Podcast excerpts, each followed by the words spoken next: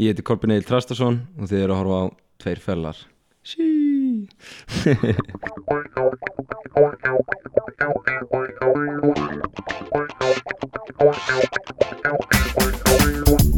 Góðan blessaðan daginn og eru velkomin í glæni á þátt á hlaðarpinu Tveir Fellar Í dag erum við frábæna gest, hann er Kolli eða betur þekktur sem uh, Æd Respect á TikTok.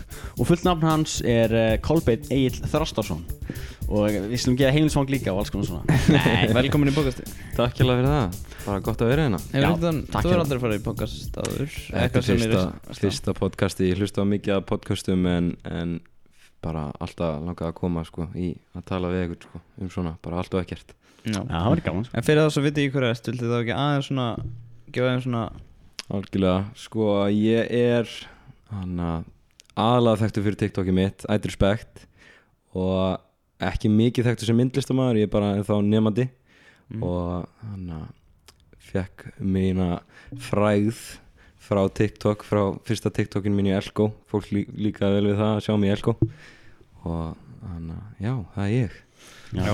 En þú erst ekki úrskrifast Herru, ég var að útskrifast úr hann að myndlistaskólanum í Reykjavík og hann var að komast inn í listaháskólan í Reykjavík Já.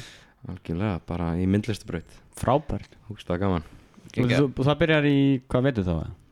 hvað sérum við? Hvernig byrjar myndlistaskólinn? Herru, bara í ágúst Í ágúst bara eftir Nice. sumar Langar ekki til Já, það? hvenær byrja ég í myndlistaskólanum ekki listaháskólanum Nei, ég var bara að spyrja hvernig byrjar en hvernig Já. byrjar í myndlistaskólinn?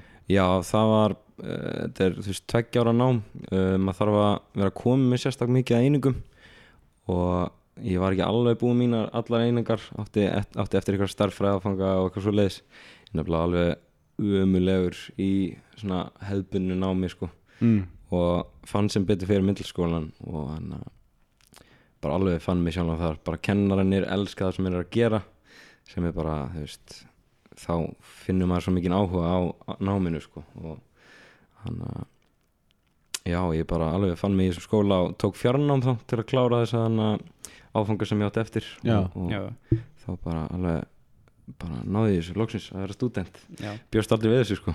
Við hvað framhaldsskóla varstu í? Heru, ég var í FH buðsönnuna mína og MH líka.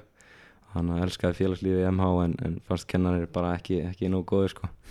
En já og síðan bara kláraði ég mig í FH sko, gafst alveg upp þar. Mm. En lista Háskóli Íslands eða ekki? Sem varstu að koma jú, jú, ég Er það svona- þar inn. Pínur svona leiklistaskólinu Þú svona ferði svona Og nokkur komast inn Þú veist? Já, það er fullt, fullt af fólki sem sækir um og, og ég þurfti bara að búa til portfóljó, bara með mínum Mm. helstu verkum og, og sem ég mestan áhuga og sína bara svona pælingar. Og hann að síðan átti ég að koma inn, ég, þú veist, er mér bóðið í viðtal eða ekki bóðið í viðtal og sem betur fyrir náði ég að standa mig vel í viðtalinu og bara komast inn sko. Já, Já. Það var einn svona Simon Cowell típa hana sko í, í, Já. í viðtalinu sem var svona að reyna að vera Svona svolítið og Já, reyna að svona Þú ert stressa en, en sem betur fyrir þá náði ég svona tjarmana aðeins og hún var skjálbrósandi í endan á viðtalinu þannig að Hvernig spurningar eru á svona heyrðu, þið voru bara að pæla þú veist, hver er bara mesta inspirationi í listinni og þú veist, hvað listamenn fílaru og hvað er pælingin bara bak við listina aðalega? Og maður hafði bara eitthvað tíu mínútur þannig að maður var svona að reyna að sína allt efni sitt eins fljótt og maður gatt en já, bara stressandi en samt skemmtilegt sko. Já. Hvenær færðu áhuga á list? Eða þú svona að Þá ertu þá teiknað að mála núna? um, ég mest það að mála núna sko. Ó, og hann að ég teikna samt mjög ofta svona bara post-it með gula post-it með og var alltaf að festa á einn vegg heima hjá mér og þú veist, þá er aðalega bara svona skrýpa á karakterar eða eitthvað svona þannig en, en ég er alveg mest að mála abstrakt núna og, og, og þú veist eiginlega að pæla meira í streganum sjálfu heldur verkinu sko. Mm. þannig að, heyrðu, talað um list Langaði hann að gefa ykkur gjöf, strákar? Nei, ha? Jú, Uss. það er hérna Þetta málverk. gengur ekki. Nei, nei Gengur ekki. Þetta gengur ekki. Þetta gengur vel Takk fyrir. Nei. Þetta eru þið tveir, tveir félagnir Ú, já! Þetta er þetta ekki ekki Þetta er nett. Það þarf að zooma inn á þetta. Takk fyrir þetta. Ekki mál strákar Ég bara að gera þetta aðan, langaði bara að gefa ykkur. Datt í hug. Ha, Pant. Pant, komur þið. Þetta er ekki að upp í stúdíónu Já, reyndar. Já, reynda, annar maður getur sett við Vá, takk fyrir þetta. Já, ekki mál strákar Já, hún elskar list sko. Já, Gaman að sína þetta. Frábært. Svo, ég ætla að geima þetta? Hérna, ég ætla ekki. Er- að hérna. Frábært. Kolli. Gekja En Við gefið gjöf og fengið gjöf. Já, við höfum bara gefið eina gjöf. Já, hver, hver fikk göðuna? Það var Ólaður Darri. Já, Já, vá, hann er flottur sko. Hann er flottur Hann er ekki En já, þú ert að mála og ég sá Varst ekki eitthvað, það var eitthvað frétt eða eitthvað þar sem þú varst á svona síndir artið þitt á listasýningu Var það svona Já. eitthvað out of order eitthvað svona Já, einmitt, rammi, það sem, Svona einmitt rammi það sem stríin var Það var Nákvæmlega. svona eitthvað fucked up Já, stríin það er það sem ég var svona að pæla sko. Já. ég, ég prófaði, ég gerði þetta verk sko, skrifa svona out of order og ég var búinn að plana að ég ætla að brjóta stregan þú veist, bara til að þetta væri svona bara bilaði strigi out of order og, og sem fekk ég lokaverkefnis hugmyndina út frá því. Það er svona ég vildi, þú veist, eins og skera í stregan eða þú veist, ég fekk það svona inspiration frá einum listamanni Lucio Fontana. Mm. hann svona skar í streganu sína bara svona gerði eitt lit og skar í það. Ógislega bara svona áhugavert en þetta var svona á sínum tíma var þetta rosa nýtt bara eðilegja stregan einhvern veginn. Já, og ég bara svona gerði mitt eigi frá því og var að brjóta stregan og þú veist notaði kertavaks til að mála og, og hann að sagaði strega í tvent mér sem svona tengd hann saman með einhverjum þræði sem Já, ég málaði. það. Mhm. algjörlega og það var svona samansetning af því og, og það hétt hann að Distortion of Canvas hann að verki Mm. sjálft. Og fekk að sína það sem betur fer þá var emmitt byrjað að bólusetja fullt af fólki. Hann að fengum að sína þú veist fjölskylda og nánustu fengið að koma í skólanum og skoða. Hann að það var ógslag gaman sko. Annars hefði þetta verið bara á netinu og ég fíla það ekki sko. Nei. Ég elska að sína listina sko. Já, þetta er auðvitað mest reytið spurning heima en hvað, hefur þú verið bólusettur? já AstraZeneca, fyrsta Já. sprita Uss Bara langt síðan? Ko, já, fyrir mánuði og nokkrum dögum en ég þarf að býða alveg einhverja tvo mánuði í viðbót sko. Já, ég, það var með AstraZeneca eitthvað lengi. byggð ef maður ætla að fá alveg 100% virkni sko. en síðan getur maður farið í hvað heitir það, mótefnagreiningu til að sjá hvort að maður sé, getur farið í bara setni sko. mm. kostar samt einhvern átjáðs kall sko. Mm. ég er fátakur listamæður hérna sko. Þú, þú ert ekki búin að fá spons á TikTok? nei, ekki en þá ég er að vinni á maður ekki að taka gifla í og. Já, þá það þeir eitthvað. Já, það ekki? Hey, you're chosen. Já, þú vinnur í Alko eða ekki, sant? Jú. Svona með þessu. Jú, minn uh, sem sölumar í hann uh, tæknidildinni Já, Og í hvaða fylgur það sér?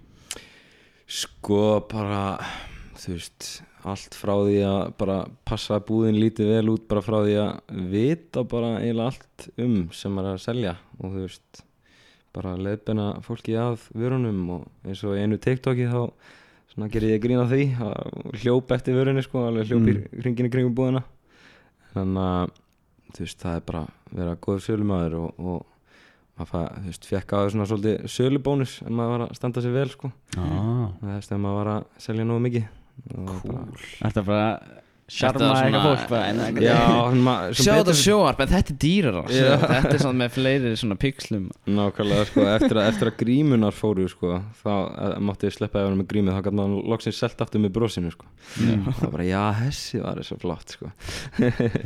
Hvað er svona algengast spurningi sem þú færð í þessu öllu? Hvað sími er bestur og eitthvað svona já, það er að hann að eigið þið Airpods? Og síðan er það ekkert að tala um Airpods sérstaklega bara hirtnatól sem eru þráðlust Já, Svona happy plugs. Já, happy plugs nákvæmlega. En aðalega bara, þú veist Mjög mismunandi, mest í símum og, og tölum sko. Bara Já. spyrja hvað það þýðir í rauninni Svona upplýsingar gamla fólki svona, Hvað, skil ekki. Þannig að fyndi að áður en að þú komst í viðtalið Já, þá, þá vissum við ekki að TikTokinu, að veist, bara fyrir núna. Já, nákvæmlega. Og hérna, þess einu sem við vissum var það myndlistamæður mm? og að hérna, þú veist það var ráðist á þig af rotti. Já.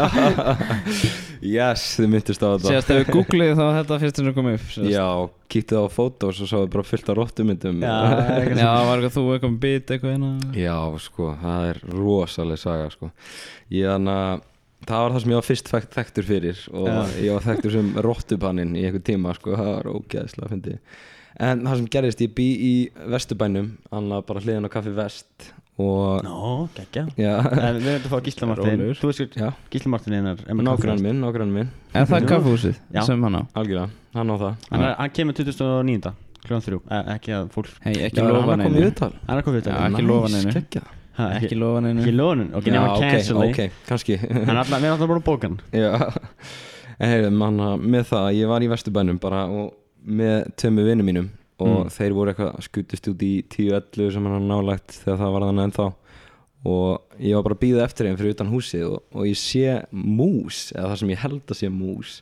Þannig að fara svona handa með hornið og ég sem bara dýravinnur sem ég er ákvað með nokkar að grípa hana á og reyna að banka upp á- hjá fólki á skilinni bara. Og þú er þessa mús bara ógislega áhugavert. Og hún fór niður einhver stiga sem var einhver hurða einhverju íbúð. Og ég náði svona króana af og beigði mig svona niður og, og ætlaði svona að ná henni þegar ég skoðaði hana aðeins betur. Og þá sá ég að þetta væri svona hún var ekki með hára á skottinu. Og ég er svona fokk, þetta er rotta. Og þá ymmit snýr hún sér við hvæsir á mig sem bara aldrei hvæsa, á, hvæsa áður hún hoppar á mig og bara nær mig í puttan sko.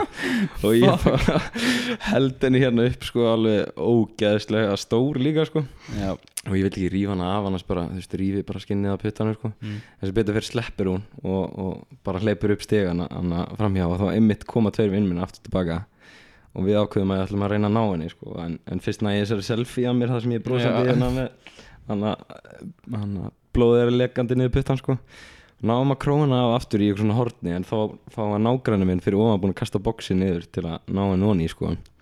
Og þá hana, er hún aftur hvæsandi sko, og ætlar að hoppa aftur á mig. Og þá næ ég að grípa hana bara onni í bóksið og, og lokaði ekki að fljótt shit. Og þá syngdu við myndræði og hann kom og dílaði við hana. En, en þetta er ekki fá- eitthvað vesend, þú veist, eða bitið að það fara í sprautu og Jú, ég þurfti að fara í stífkrampasprautu og hann að maður finnur alveg fyrir henni koma svona upp sko. Új. fann hann svona koma upp í hálsinn þegar ég sprautaði með henni sko. það var ekki skemmtilegt Já, fyrst að fara í fréttinar Já, ég fór bara ég fór held ég í hann að hvað heitir hann að túristablaðið Iceland Review Uh, nei, Grapevine, Grapevine, já, já. ég fór í það blað ég fór á MBL, Vísi bara allt þetta. Og daginn eftir ég kom með, með eitthvað svona smá vafið um puttan þá var allir bara, wow, wow, ert þú ekki orðin seleb núna, eitthvað, rottubannin rottubannin og þurfti að segja þess að sögu aftur og aftur og aftur sko, kannan alveg utan að Jesus. Þetta var, Og varst ekki þetta skrýtin frík út að rotta hendinni en þú bara uh. Jú, það var svolítið skrítið sko en ég náði að sleppa því að panika með því að ekki, þú veist, hann að rífa hann af mér sem ég fannst magna sjálfur sko. Já. Varst ekki bara pínu sjokki? Jú, þetta var Ég var líka ekki að búast við að lendi í þessu bara beint fyrir utan húsið mitt sko. Það er ekki venjulegt í vesturbænum sko En síðan líka nokkrum dögum eftir á þá, þú veist, það var gænilega bara ekki mikið á rottum í gangi því að það kom frétt síðan sem, þú veist, rotta fannst í vesturbælaug var bara eitthvað syndandi hann í lauginni og, og ég var takkaður mjög mikið í það bara náði í kolben, hann rettar þessu. Var rosa skrítið sko. Já. Skrítið tímar. Álstu líka upp í Vesturbænum? Já, ég búið bara samastað allt mitt líf sko. Nó Það er ógæslega gaman. Og hann að er síðan bara næsta ári að fara að flytja út í kjallar íbúð bara í sömu götu mm. ég, bara, ég get ekki yfir, yfirgeðið þessa götu sko.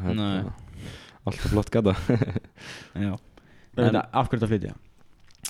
Heyrðu, uh, bara tími til að fljúa úr reyðrinu held ég bara langar að vera sjálfstæður og, og hafa bara pláss sko. Mhm. bara er ekki alltaf, alltaf einhvern, einhvern tíma það Já Ég held að Það hljóðum vel sko mm Það lemma vel Já, hljóðum vel sko Nei. En ertu, þú hlustar á hlaðvörp, hlustar á tónlist mikið eða ertu ekki nettlust tónlist? Nei Ég bara, það er það eina sem ég gerir þegar ég bara má það, má það sko, eða þú veist Já. eins og í vinnunni þá get ég ekki verið með heyrn og tól sko, en, en það er bara eina sem ég gerir að hlusta á tónlist sko.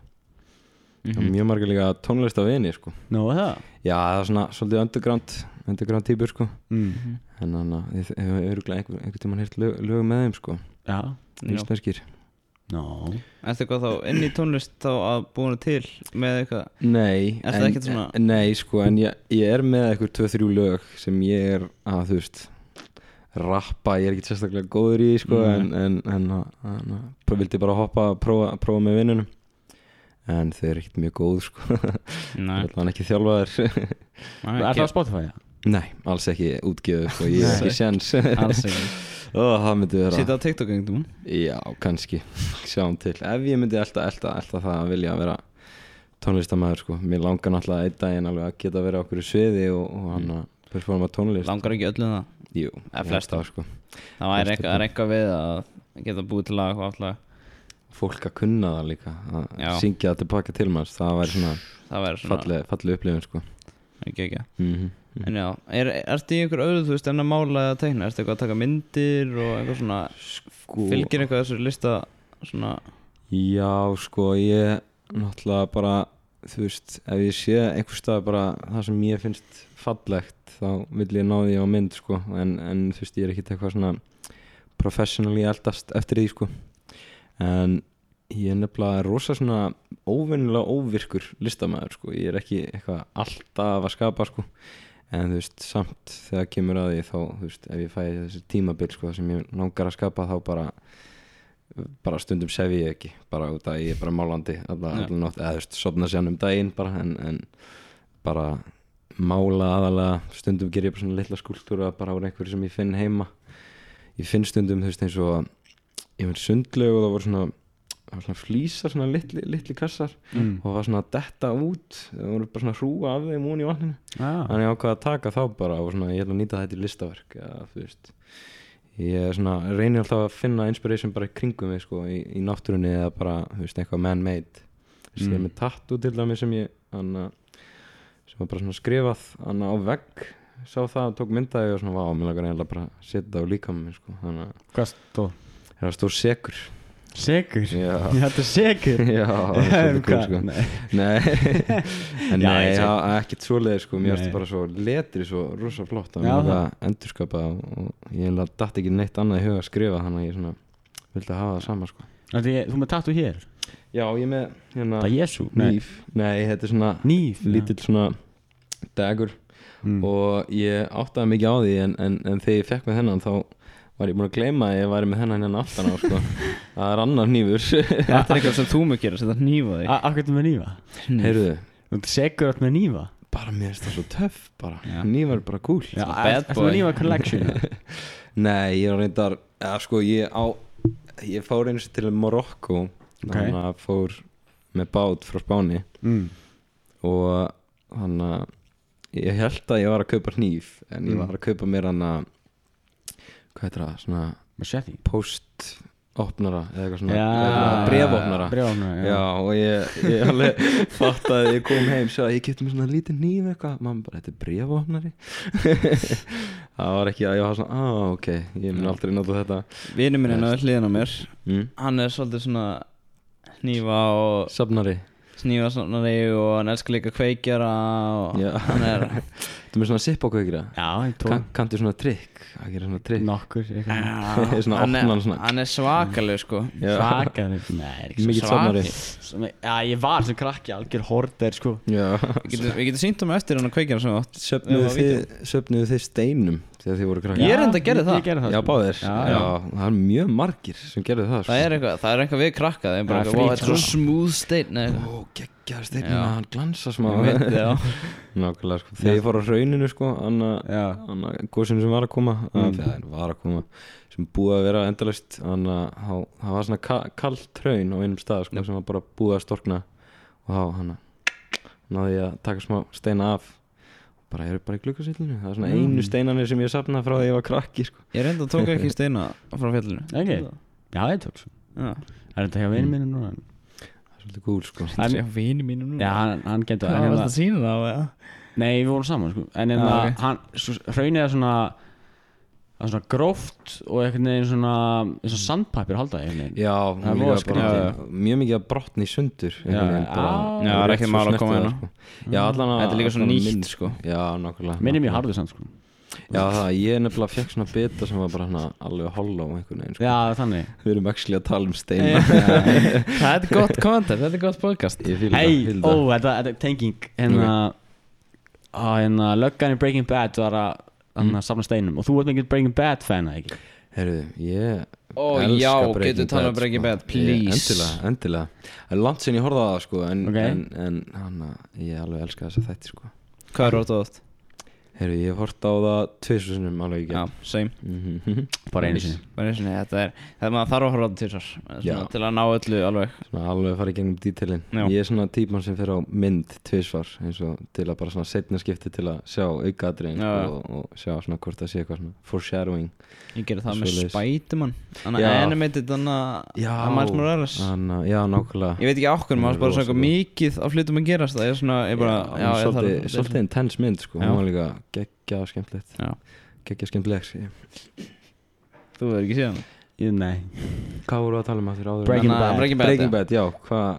Þetta er bara svo vel leikið maður. Það, Ég held að þetta séu einu af bestu þáttum sem hafa verið búið til. Sáðu nýju þannig það sem að var Jesse Þannig El Camino, El Camino. Sástu hana? góð mynd.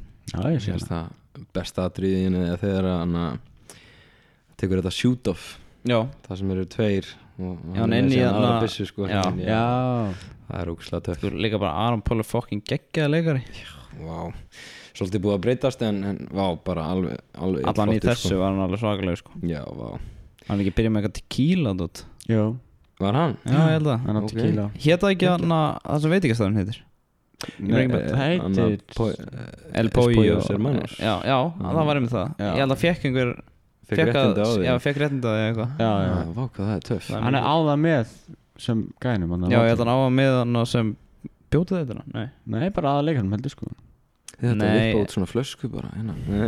Úf, það var cool Nei, hann, hann á það með allan einhverjum öðrum Úr Já, Breaking ég held að sé ekki með, hvað heitir hann hann að Aða leikarinn Hann er Brian Cranston. Já, ég veit, Brian Cranston Það er á það með einhverjum. Voru það Malcolm in the Middle eða? Já, Já. já, það er gott. Klassist, það er svona einu grínþættin sem ég hort á bara svona alveg aftur og aftur og Já, aftur. Ég held ég reyndar ekki klára það. Ekki? Eða þú veist, ég var náttúrulega svo ungur þegar þetta var alltaf að gerast, ég veit ekki alveg. Ég horfði bara alltaf svona, þá horfði maður svona þætti bara þegar voru í sjónvarpinu. Mm var alltaf svona Simpsons og eitthvað. Já, ég er actually talandi um Simpsons ég er allt önnur upplifun að horfa á þetta aftur. Já, ég er nefnilega, þú veist, Mm. horfa á þetta alltaf þegar ég var í sjónvarpinu og átti bara alla seríunar bara svona í ykkur skúfu bara endalist horfa á þetta þegar krakkin þá var það bara fyrir, þú veist, teiknimyndina og djóki og síðan fattaði maður, þú veist, eins og Disney Plus þá er þetta í adult TV shows. Já, þú veist, ég skildi ekki eins ennsku og Já, nákvæmlega, nákvæmlega. Mér fannst bara eitthvað svo gaman að sjá þetta svona.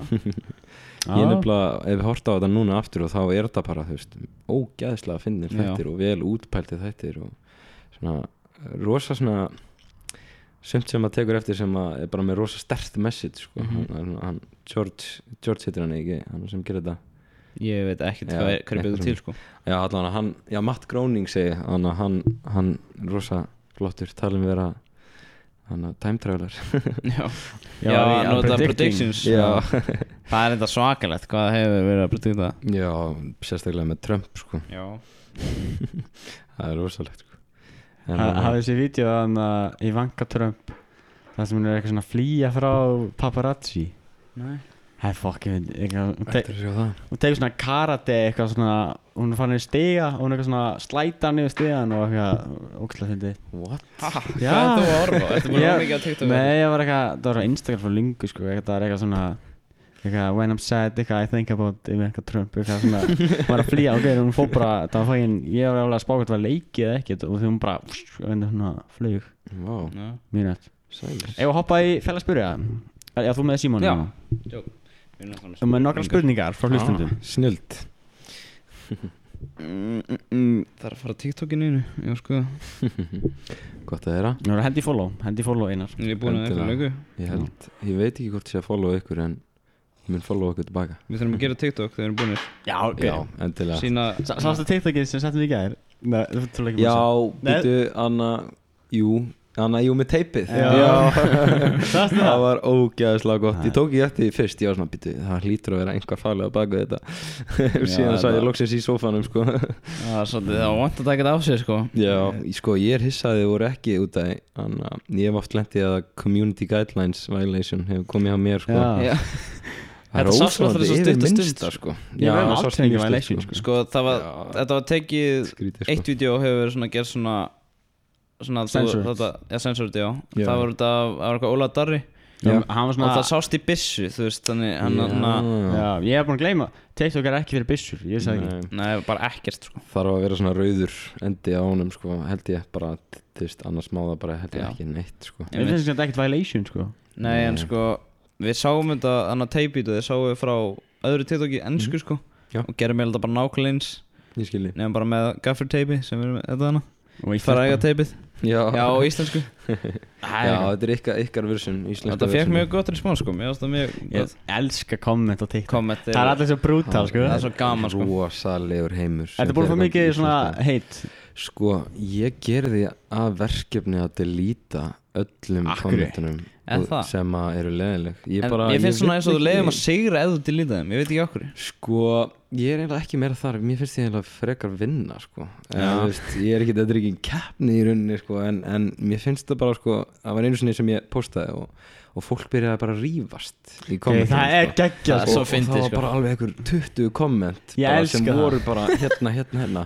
Og það var bara ógeðslega leiðinlegt. Ég bara hataði að sjá þetta sko, svo þannig að sko. ég tók bara allan máttinn frá þessu fólki sem var að rífast með því að bara dílita fyrsta kommentinu. Já, og ég fekk sem komment aftur sem var bara af hverju dílitaði kommentinu mínu? Og ég dílitaði því líka. En þú færð sko Ég held að veist, Því fleiri comments þú færð því eitthvað svona Færð meira interaction á fucking það er sem er gott. sko. Það er svona vildi fá hann En eina sko. ástæðan sem við dýlitum er að þú veist Ef það er drullað við fólk sem við þú veist sem er hjá okkur skilur Já. og það satt bara ljóta hlutina það var svona Já, Það er það bara- það er, það er bara alltaf svo leiðinlegt sko. en þú veist, ég fæ alveg bara veist, það er ekki svona að ég sé self-conscious ég vil að fólk, þú veist, stundum fæ ég svona "Ö, þetta er kjánalegt eða eitthvað þannig Já, og þú veist, það er ekki það ég vil bara að fólk þú veist, fari í kommentin og sjáu bara svona já, svona getur þetta verið ef þið hætti bara að trubla ykkur yfir öllu skilur og svo leið skilur þannig að bara held að ég sé með ágætlega vel hólsum með að við allan að fullta íslenskum tiktokurum þá sé ég bara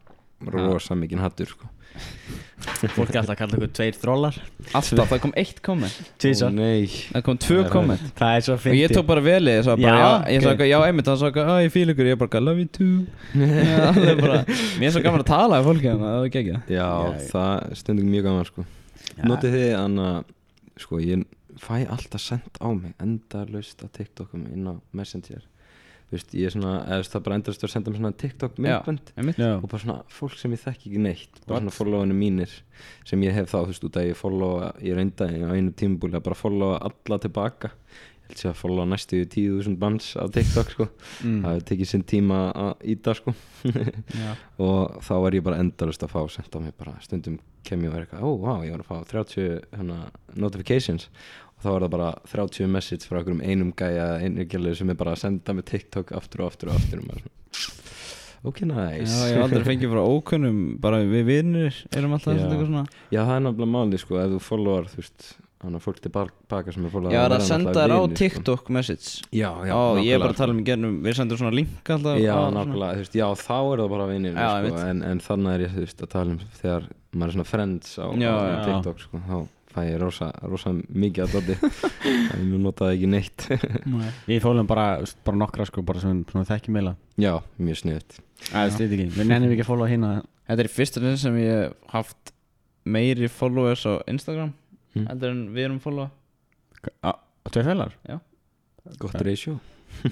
Ísjóði Nei, ég bara, mér Það er ekki með á þínum personal eins og allir, Nei, allir er að reyna að gera það? Ég er að followa miklu meira en ég er að followa mig. Mér er svo gaman að followa fólk Ekki með Nei, Já, Já, ég er bara svolítið fastur á þessu, sko. Það Já, er svolítið svona það er svolítið svona hack, sko að að koma smá followum inn á akkantinn því að mun alltaf fólk followa tilbaka. Ég man líka að ég lækaði allt Já, sem ég sá Þegar ég var, kommenta, kommenta líka. svona, nei, ég kommenta hann bara Fyrir svona Mm. tveim árum Það fór ég bara alltaf á Instagram og bara, bara allt sem ég sá bara búm, búm, búm, Já, búm, bara orðið að vana er það ekki? Ég var bara Líka. orðað vana Mér langar bara líka að vera næs Já. Og svo bara svona Shit, hvað þetta er þreytandi Þetta er líka bara að taka, þú veist Alltaf mikið tíma Já, vá, maður svona ég, ég gerði nákvæmlega sama sko þurfti að afvinna mig að því sko það er maður var bara að læka bara einhver, einhverja vittlisu og þá var Já, bara og svo bara manns. hver er þetta? Já.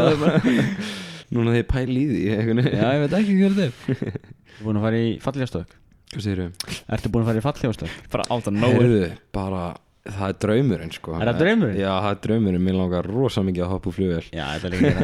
Það er vloggi, við þrýr Ég verð að gera. Búm. Heyrðu, ég væri ógeðslega til í Það væri geggjað. Er það hægt á Ísland? Ég held að sé ekki að það er Íslandi þetta Það væri svolítið Við þurfum að fara til hægt Bandaríkjanna. Ú, það er alveg hægt sko. Það væri hættulegt á Íslandi, já. Það þurfa að vera mjög Ég gott held, viður ég held sko. að það er með leiði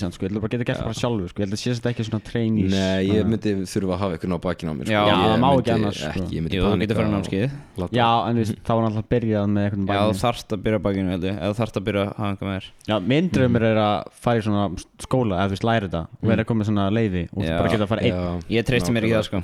Bara, Nei, mann man myndi alveg vilja geta það sko En, en bara Þetta er alveg safe, sko. Já, þetta er ég er svolítið adrenalin fíkil sjálfur sko En þú veist, ég Þetta er ekki, segir Hvað séru? Nei, ég er Já, sko. Það er bara alveg, alveg einhvern veginn alltaf verið í mér svolítið svona spennu, spennu fíkil Mm. Og þú veist, ég samt nýti mig það bara í að- að skeita bara. Já, er þú ert að skeita, ég sá eitthvað á Instagram. Já, ég, ég nefnilega hann uh, var, ég byrjaði mjög þú veist, ég byrjaði fyrir löngu en þá var ég bara svona á pennibretti. Að það var þetta inn sko munið Vá, það Banana já. board, Það var allir, ég var á þessu Ég var á drast pennibretti sem Já. geti hagkaup.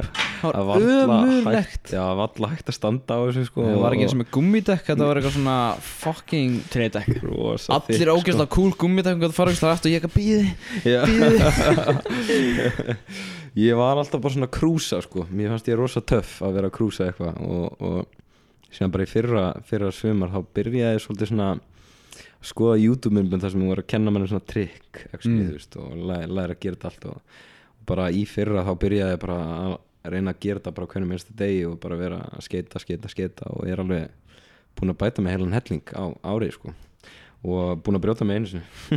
Já, breytta á löpuna ekki? Já, ég braut hérna Það var á TikTok sko líka sko Hann að braut og á ristina, já Hann að litlu svona Þetta heitir litlu kúmi í beinin Eitthvað svo leis ah. Og það sem gerðist var að ég var svolítið djarfur, djarfur Sem maður ekki að vera Þegar maður kann ekki eitthvað Og var að reyna að taka all, alla niður átta stiga Sem er að ná yngustorkina En á Já, stóru shit. stiganir Og ég lendi ekkert illaði neitt sko. Það sem gerðist var að ég lendi á stigunum Og sem maður bretti fljúandi sko Og og að kom bara hérna beint með skrúfuna þar sem dekki er hérna og bara beint hún á ristina og ég, var- ég held ég væri bara ég, er nei, nei, ég er bara tóknaður og held áfram að skeita og ég var bara, þú veist, mamma spurði hvort ég vildi ekki fara upp á hann að helsugæslu eða nei, hann upp á hann að? Slysó. Slysó mm. og hann að þar, þú veist, ég var bara nei, nei, þetta er alltaf góð ég, ég jafnaði mig bara á morgun og setti smá klaka á þetta og fór í skólan mér þess að daginn eftir, labbaði í og úr skólanum og var að drepast sko og þá var svona, ah, ok, ég ætti kannski að, að kíkja á þetta. Og þá fattaði ég að ég væri bara búin að brjóta mig, brjóta mig fótinn sko. Jesus, ef ég er nærra vill ég fara að slýsa sko. ég, er svo, ég er bara Já, Ég er alveg bara ég var alltaf þrjóskur, mér langaði að halda áfram að skeita sko, ég er bara, nei, ég er ekki brotinn. Já, þetta er Er- addiction sko, að skeita Já, Það. Það. getur ekki hætt sko. Ég vil bara skeita Já, þú varst með hann unboxing af skating, skateboard. Hvað segir um? Þú gerir un unboxing af skateboard Nei, það var frændi minn. Það var frændi minn hann Jóni Eða Anton sko. Já, þú opnar það. Uh, Já, hann, hann tók mér band Mér bandaði Já. Hann að postaði á TikTok sko, Og hann að var svona að unboxa einhvern veginn. En þetta var bara svona Svolítið svona cool myndband einhvern veginn Svona tónlistundir og bara hann náði út Svona sko. b-roll Já, nákvæmlega, nákvæmlega. Það var svolítið töff sko. Mm. Geggjað. Mm Önnur spurning, önnur Herri, spurning. Topp 5 elko starfsmenn. Top 5 elko Nú er þetta starfsmenn möðgöngu Vá, heyrðu, það er einn annar sem er nýfarinn bara úr Elko sko, sem No byrjaði á sama tíma ég. Þetta er Jón algjör snillingur, ógeðslega fyndin bara ger, gerði vinnuna bara ógeðslega skemmtilega. Og síðan svona friendly competition stundum svona hver var með herri sölutölur sko. En hann, hann var alltaf að rústa manni sko. Um, Nú, akkurri nei bara, hann var bara mjög góður að selja sko. Hann bara aðeins minna latur heldur en ég. En hann að um, vá, ég vill ekki vera eitthvað að velja úr þeim bestu sko. Segjum topp 3 top 3 þá er Sverrir í næsta sæti. Það er einna, einna vaktstjórunum mínu. Hann er algjör snillingur ógisla góði gæi, alltaf gaman að spjalla hann og síðan er Birta líka. Þannig að hún er nýlega byrjuð og hún er bara ógeðislega hress og skemmtileg sko, alveg frábær. Mm, Þú nefndir ekki sjálfa þig. Hvað sér þau? Nefndir ekki sjálfa þig Heyrðu, það er rétt hjá þér. Já, ég meina ég sitt mér sjálf alltaf í fyrsta sæti en hinn er eftir starfsmenni sko. Já. Ég, eða, Þú veist, ef að vera að tala um hvað maður er góður í vinninni myndi ég aldrei setja mig í fyrsta seti sko. Nei. Ég er svo latur í vinninni sko. Já, ágætur. Svona nokkra closet pásur Já, já, og fá sér vatn svona áttasum að dag. Nákvæmlega, á ég er svo þyrstur Sjúkdóm. Herðu, getur þú sagt mér að þeir byrja að spyrja hvað er Aribói? Hvað er Ari Boys? Já. Heyrðu Það er rappara grúpa Rappara grúpa sem er ekki lengur í gangi en það eru vinir mínir í henni hann er Gabriel, er það, er það ekki að spila um Rari Boys? Jú. Jú, það er hann að vinur minn Gabriel Gísli, IC, ICG hann er ICB Nice Please kallaður. Og uh, Funni hann er Bleach Kid uh, og síðan hann Máni Slísi og síðan var það líka hann að Andri eða Hlandri og síðan að Hvað varst þú kallið? Já, ég, ég var ekki í í Nú, Rærbús en hann að ég, ég var mjög mikið með þeim og þú veist, ég var svona þú veist, ef ég hefði verið komið með þú veist, einhverja TikTok frægð þá þá hefði ég verið að posta þeim sko og verið svona, hvað segi ég hvað kallast það að maður svona gefa út dótið og Collaboration já, já, bara svona, já, ég var í að gera það en, en ég var alltaf partur af, partur það. honum sko. En spurningin er hver er mest talented Aribói? ég myndi segja það er, þeir eru allir ótrúlega talented á svo mismunandi hátt en allavega lyrically og þú veist hver er svona bestur að semja texta finnst mér funni sko, hann bara getur verið að freestyla bara eins og, eins og Juice WRLD sko, bara hafið þið séð Juice WRLD Eminem og já, já ok, það er einn rappar í Juice WRLD sem bara, hann getur bara, bara bara freestyla í Já, ég veit hvað Juice WRLD er, sko. já, Já, ok, ég veit ekki hann, ég þekki hann en hann, já, hann var eitthvað klukkutíma freestyle hjá honum eitthvað viðtal Já, sem já. bara held áfram og ég myndi segja að funni væri svoleiði sko. Mhm, Það er mjög cool mm. Ég var til að ég fengið svona velja talent að vera það að geta freestyle fokkin mm. endalist það er geggja algjörlega sko. En já, þetta er ekki, þeir Rari Boys er ekki lengur, lengur til sko, ég myndi bara searcha frekar Bleach Kid eða Funny Kun þannig að Sleazy eða ICB Nice Please. Þeir eru geggjaðir underground artistar sko, þetta er bara ég skil ekki hvernig þeir eru ekki bara á sama level á Flóni og Aron Kahn sko, ég endast að hlusta á tónlistina þeirra sko. Eh, Spotify? Ég, sumt á Spotify en aðalega SoundCloud sko. Já. mest á SoundCloud. Mm. mm Hvað er Haróð? Haróð Já. ég veit það ekki. H-A-R-O-Eð Eð. Haróð Háróð Já, hvað er hárið? Hvað? Gæti alveg Var verið eitthvað að livjum að skilja Það kemur bara Heyrðu, Ég hef bara Haróð. ekki hugmynd hvað ha Haróð er. Nei, afsakið ef þú að hlusta eða eitthvað þá bara veitum við ekki alveg hvað áttu með Það skyndir einhver Hvað er Haróð? Góð spurning. Hversu spenntur ertu fyrir næsta partí á slagapjesa? Heyrðu, vá hvað ég er ótrúlega spenntur í næsta partí á slagapessa Því að grínast. Hvað hvað séu nöfni er þetta? Sko, þetta er, þetta er besti vinur minn, hann Slaki Pési sko. Hann, uh, við erum búin að vera vinni sem vorum uh, Það hljóma svo meita sko. Þetta er bara, er bara Sættu því spenningin Já, þetta er annars Anna Kjartan heiti þessi Kjæri Kristni á Instagram og hann er algjör snillingur einn finnasta manneskja sem ég nokkuð tíma kyn- kynnst og bara besti vinnu minn og æsku vinnu minn sko. kynntust við vorum tveggjara á leikskóla og fyrsta sem gerist sá hann við bara byrjuðum að leika okkur saman á einhverjum sandkast eða eitthvað svona sandboxi einhverju og bara alltaf verið vinni síðan þá sko. mm. Cool en já, Þannig hann þú- er með snildapartí Þannig að er mjög spenntur fyrir því Það var að segja spurningin uh, Hver er uppáhaldsfrænka þín? Helst frá eigum, helst ég hann myndi vera um matta frænka Já, ok, það var rétt Það var rétt Akkur Út út af því að hún sagði mér að gera það Nei, hún sagði mér að, að hún væri besta frænka mín þá er hún það bara Áttu bara ein, eina Nei, já, fleiri, það eru allar skemmtilega sko. En uppáhalds, sko, hún er náttúrulega bara sama aldri á ég er, sko. Hún er svona Já. uppáhalds unga frænka mín, sko. El eldri frænka mín, sko. Hún er hrönn, sko. Hún, hún í útskriftavislunum minni, þá var hún að dansa með okkur strákunum, sko. Við vorum svona inn í herbyggi einlega bara með eitthvað svona trapp tónlist í gangi, gangi. Og hún var að taka þau vú með okkur og eitthvað, vorum að kenna henni að dansa, sko. Ógæðislega skemmtileg. En þú byrjar Hvernig byrjar í TikToki? Herri, ég byrjaði 2020 um, sumarið og gerði bara eitthvað fyrsta TikToki í Elko ég bara fann okkur um ógeðslega heimskum, heimskum brandara og þú veist, þá var ég með svona, svona busta eða svona, svona sem tekur reikuburtu mm. og kom eitthvað hey, imagine you're going through a, a car wash and you see a cute guy saying hi to you. Og, og, og gerði sér bara svona sinna hey there, nice car, hey eitthvað. Og síðan ákvað ég bara að taka þetta upp.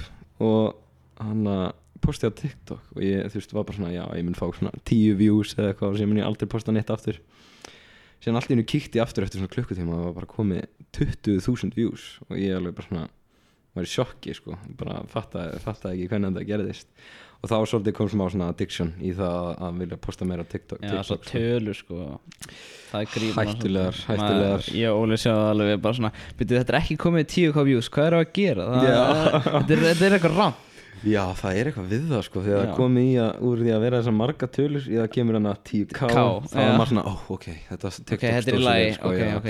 Það er eitthvað er- tíu búin að séu þessu þannig. Já, Þetta er allt eitthvað Þetta er obsession sko. Þetta er rosalegt obsession En sem betur fer þá er ég bara er búið að vera svo mikið í gangi í lífinu mínu Endarast að vinna og var að vinna í portfóljó fyrir listaháskólan og þú veist, gera lokaverkefni en ég bara datt svolítið út sko. Ég eiginlega bara er lítið búið að vera að posta nýlega sko En ég gerði það bara næstu í daglega á einu tímapunkti sko. Já, Ég ætti að vera duglegri, ég ætla að ná mér í hann giflar sponsor sko. Já er Giflar and talking to you sko. Þú Jú sko, Elko, ég er að pæla bara að tala við fórstjórunna hann og vera gamli come on, ég vinn hérna. auglýsingar sko. Og ég er að gera TikTok fyrir, þú veist, ég er að gera alltaf vinn Já, nákvæmlega, sko, ég á að kommentaði mér þess að krakki. Ég og, ég og vinnur minn er um að koma í Elko eftir að ég postaði Elko, anna, Elko TikToki og ég kommentaði tilbaka, ætlaði að kaupa eitthvað. Bara, Kaupa ég eitthvað, talaðu komið við hérna bara til að tala við mig, sko, við verðum að kaupa eitthvað. Elko ekki ekki að staðir Já, það er ógst maður getur líka bara að hann endurlega maður er bara svona, "Ah, þessi töluleikur þessi.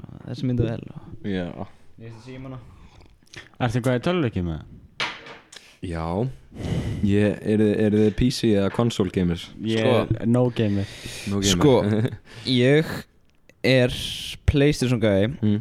en ég spila Minecraft á Macbook og gera Wow Það er classic Já, það er geggjað Já, ég ég svona byrjaði í Playstation og það er að pappi átti Playstation 1 sko, og ég á það ennþá og virkar ennþá og ég á einhverja klassísk. Hundrað einhverja klassíska svona Playstation 1 Já. leiki sko, sem bara ennþá virka. Og á líka 2, 3, 4 en ég á eftir að fá mig 5 Já, ég líka. En ég ætla bara að býða aðeins þangað til að, að allt hæpið er búið að deyja út. Þetta er bara, við fáum þetta bara þú veist, við fáum ykkur 400 stykki inn í Elko erum við bara farin á, á tveimu mínútum. Já, bara allir kaupað upp strax. Málið er samt Tölvuleikir þú myndir byrja að fara svona Mm. Þú veist, svona obsessionið. Ég var Mhm. alltaf bara, ok, kallt út í, þú veist, til að róa með eitthvað. Já, Eða bara til að sleppa aðeins bara að vera í skólanum og bara eitthvað. Mér var bara kósið að fara í eitthvað annað. Nákvæmlega. En svo bara hætti ég eiginlega bara að spila tölvuleiki allir Bara einn daginn bara svona fjú, já, Bara. ég, ég skil hvað Eða svo byrja að spila þetta Minecraft og mikið. Og núna er ég að spila Sims með kærusturinn minni. Sko. Já, ok, what, já, Þannig- hvað, hvað sem snýjast af Þessi fjögur bara, Já, kefta ok. bara gamla gastaldi bara, fuck it Gekja, ég elska tungumálið þeirra sko. það er bara skrítnast þannig að Já. já, simska karakterunum Já, mér stila bara gaman að búið til hús sko. Já, Það svona- ég skil þig, ég skil þig Já, ég er nefnilega ég er líka svona svolítið bara datt úr því líka svolítið þannig að ég er samt núna mest, mest í PC ég var alltaf meiri Playstation en, en síðan bara svona fekk ég mér almennilega tölvu sem ég gæti actually spila svona þunga leiki. En ég er samanlega ég hef alltaf bara því 2012 hef ég alltaf farið úr og inn í Minecraft sko. Já, Minecraft líka alltaf komið er Já, þú veist eins og kíkja á maður í þessum manni. Já, þetta, þetta verður þreytt alltaf eftir smá og síðan svona allt einu kemur eitthvað nýtt og þá er maður bara ok, ég verði eiginlega bara að spyrja þetta marga, marga klukkutíma á dag. En þú veist, eins og núna þá er ég bara búin að vera þú veist, ég er fullu starfi í Elko þannig að ég bara hef ekki já, mikið tíma eða orku í það sko, ég alveg bara get ekki þegar ég fer heim sko, Hvað er þetta í Elko? Ertu er í skeifinni skeifinni? mm mm. Cool. Ég kemst mér þessu svona stýri fyrir Playstation þar. Já, svo að Notar spila Need ekkert for, Speed eða eitthvað Já, Need for Speed sko. Nice, Notaðu það? Nei, ekki sko. Need for Speed Heat. Nei, ég man ekki alveg hvað Need for Speed leikur það var. Nei, Það var eitthvað Og svo ekkert neginn, ekkert neginn spilaði bara ekki neitt sko. Ég ger alltaf, ég kaup, kaup ykkur af leiki og svo bara spilaði ekki neitt. Já, ég skil Manstu þig. þú vildir ógæslega GTA? Já, ég fekk mér GTA Já, spila hann svo tvisar eða eitthvað Já, ég nei, hata stóra leiki sko. Sko ég er alveg eins og þú. Ég, ég spila kannski þú veist eins og Ég fer í eitthvað smá stund í eitthvað, Eða svona reyna að koma mér inn í eitthvað svona rosa stóri leik Sem er bara svona Risa mapp og eitthvað brjálaslega mikið hægt að gera Og ég missi áhugan svo fljótt Út af mér er svo allt og mikið að gera Ég er svona, mér stundum þægilega Ef það er bara mjög simpul Bara svona einfalt að Mm, spila Já, ég get stundum alveg festið svoleiðis Ég festið til dæmis í hann Star Wars leiknum nýjan að Jedi Jedi Fallen Order. Order já. Já. What? Er komin í Star Wars? já Hann er rosa Festið til honum, þú veist 100% hann alveg og svo Er það stóri, já? Já Svo festist þið líka í Last of Us Þegar hann var frýr að nefnt tíman Þá Nákvæmlega. kefti hann og bara spilaði hann bara alveg á bara viku eða eitthvað Það er einn ein sem ég er að vinna með sem bara hættir ekki að minnast og hann elskar Last of Us sko, hann er bara hann spilaði hann sko, hann, hann kláraði leikinn í öllum difficulty level sko. Hann fór Já. reyndar ekki í easy en, en kláraði öll hinn sko, erfið ég gerði það sko. Ég gerði það með þetta Star Wars leikin Já, það, Ég já, bara, það, nei ég reynda að fóra Það er ekki alltaf Það var bara normal, hard, extreme. Eða nei, já, það var normal, hard, Jedi Master. Ég held að það var svona já.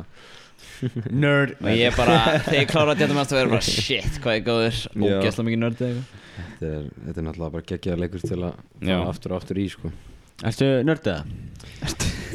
Guð, þú kemur Fokk, ef ég kleif þetta saman þá er þetta eins og þú sem mest í douchebag game. Falljástökk, byssur. Eh, Kanntu að skjóta byssu það? Áttu nýf Já Nei, jú, það má kalla með það sko. Ég, Í hverju ég, þá? ég hef alltaf verið svona Svist, secretly nörd Ekki samt eitthvað að fela það skilur En, en Komum til skáfunum inn, Ég er inn í mér er ég rosa svona Svona weep sko.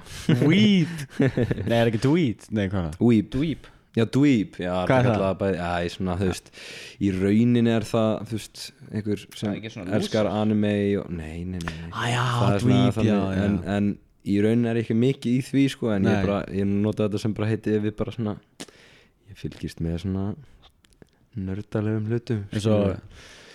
Harry Potter, Já, Harry Potter, já. Star Wars, Harry Potter, eh, ég er alveg dyrka Star Wars, endalust að skoða eitthvað svona lore og, og svona theories að fara í bíó og Star Wars myndinar Var bara það besti heimi sko. Já, Þótt hvað þetta ykkur um nýju? Sko, þetta er alveg fínt. Ég skil alveg okkur fólk samt hatar Já, En þetta er alveg, þú veist Já, já, þú veist, þetta er alveg góða myndir Mm. En ég skil alveg að þú veist, þetta fylgir basically ekki Original svona. Já, þetta er ógeðslega gaman að fara á þeir í bíó og þú veist, spennan er geggjuð, þetta er náttúrulega Disney klikkar ekki að búa til spennandi mynd. En, en þú veist, ef þú ert endalust að pæla í smáadröðunum og bara nei, þetta var svona og svona hún ætti ekki að geta þetta og bla bla. Þá ert ekki fara að skemmta þér. Nei, og þú veist, ég pældi ekki í því fyrir en bara eftir á, þú veist, ég hafði mína skoðan þegar ég kom út í bíósalunum og síðan þegar ég byrjaði að skoða svona lór og dæmi kringum þá var ég með alltaf aðra skoðan, þá var ég svona ok, ég, ég skil. Já, þetta var svona bara eins og þú veist Þegar, þú veist, ég man alltaf Ég var alltaf svona sjókt stundum. Mm. eins og til dæmis þegar Luke var að berjast við Kylo Ren Já, og svo sker hann í gegn já, og það, þú veist, hann er fórskóst. Og nákvæmlega. maður er bara svona, sæl Já, þetta var rosa sena.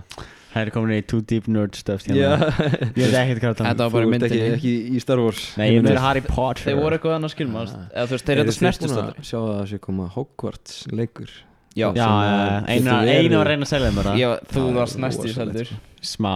Þú getur bara valið hvaða hús þú vilt fara í sko. Þú getur verið sliðurinn og allt það og Máli, máli var sko, ég horfði á Það er hann Playstation kynninguna. Já, Þetta komið ekki fyrir lunga, what the fuck? Nei, er þetta hann kemur í mars. 2021 sko, í Mars? Já, Já, nei, 2022 Tu- meinarðu? 2001 Nei, 21 hann sko. kemur, nei, hann kemur ekki mars hann kemur ekkert að segja að þessu reyði en að- nei, ég horfði sérst á Playstation kynninguna og ég var oft bara, what the fuck? Eða alveg bara Mhm. svona, shit, þetta er að koma. Það var með Mhm. nýja God of War leikinn.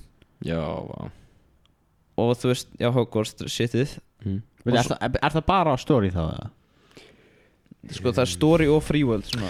Ah. en ég held þú getur farið, þú veist, að berjast við fólk svona. ertu að leika karakter eða ertu ertu missions eða ertu að drepa fólk þú býr til Mjög karakter lítið komið um hennar leik eiginlega bara svolítið svona uh, svolítið bara svona auðlýsingar og sína Já. hvernig þetta sirka verður sko. ekki mikið Taldu um eitt smáatri í Star Wars mm. Ég ætla að flexa á hérna feit sko. Nei, ok Ég var í bandaríkinum í hana um, film and eitthvað Film and TV class Mm. Og við fórum í hæ, háskóla Fórum í svona presentation Máttu velja make-ups uh, Scripts Og Mm. hérna special effects og ég valdi special effects. Og þá Já. voru við svona kynningu á svona maður sem hafi gert sprengjurnar í Harry Potter þannig að síðustu myndinni. Já. sprengingar í þannig að Það sem- þannig að sem, já, einmitt, einmitt. Mhm. og eitthvað, hann var ekki að tala um það og hvernig framtíðin myndaðin var um og hvernig green screen var í dauður af því að, í framtíðin sko af því að það myndi koma svona myndaðilar sem sensa hversu langt allt er, skilur við bara í sentimetrum.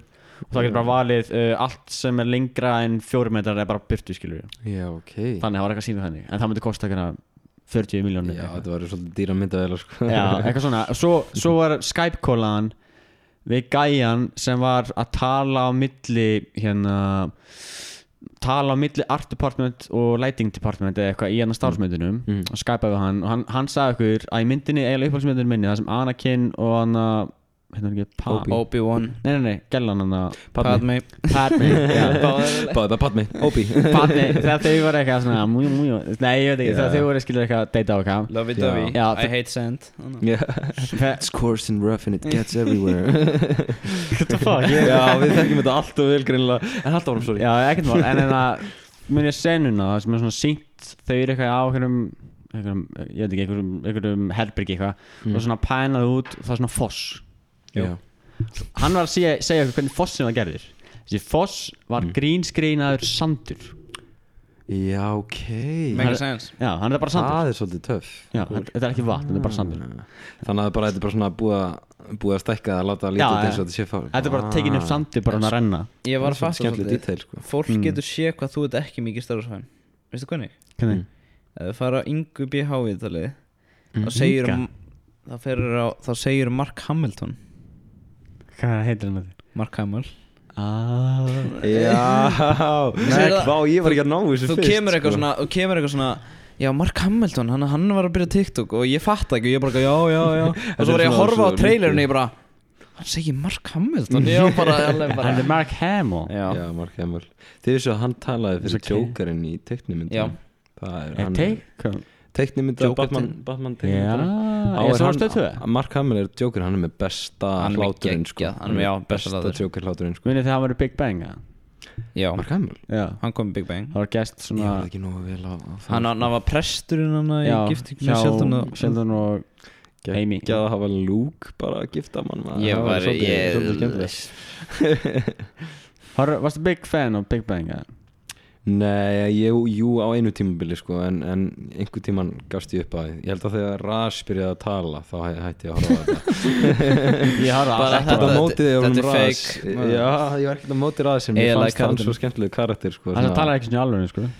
Hvað segir þau? hann er með alv, alveg amerískan heim, heim sko. Já, já, auðvitað sko, hann er ekki bara svona Það er bara hreim- hann býr hann til bara, sko. Já, nokkulega það veit, og líka fyrir hann að Svo Tom Holland spætumann Hann Já, er amerískur það er svakalegt. segi já, já, hann er bara sko Það já, er Já. geggjað Líka Thor, hann er australískur Ástralískur Það er, Ah. já, eða Anna, hvað hvað heitir hann, Chris Hemsworth eða ekki? já, já. Já. Var ekki sagt, var, er ekki búin að sjá hvernig Tom Holland na, æfði sig að vera spætumann na, eða 16 ára eitthvað krakki Já, Hann fór í alvöru skóla í bandaríkjunum. Ég sá það.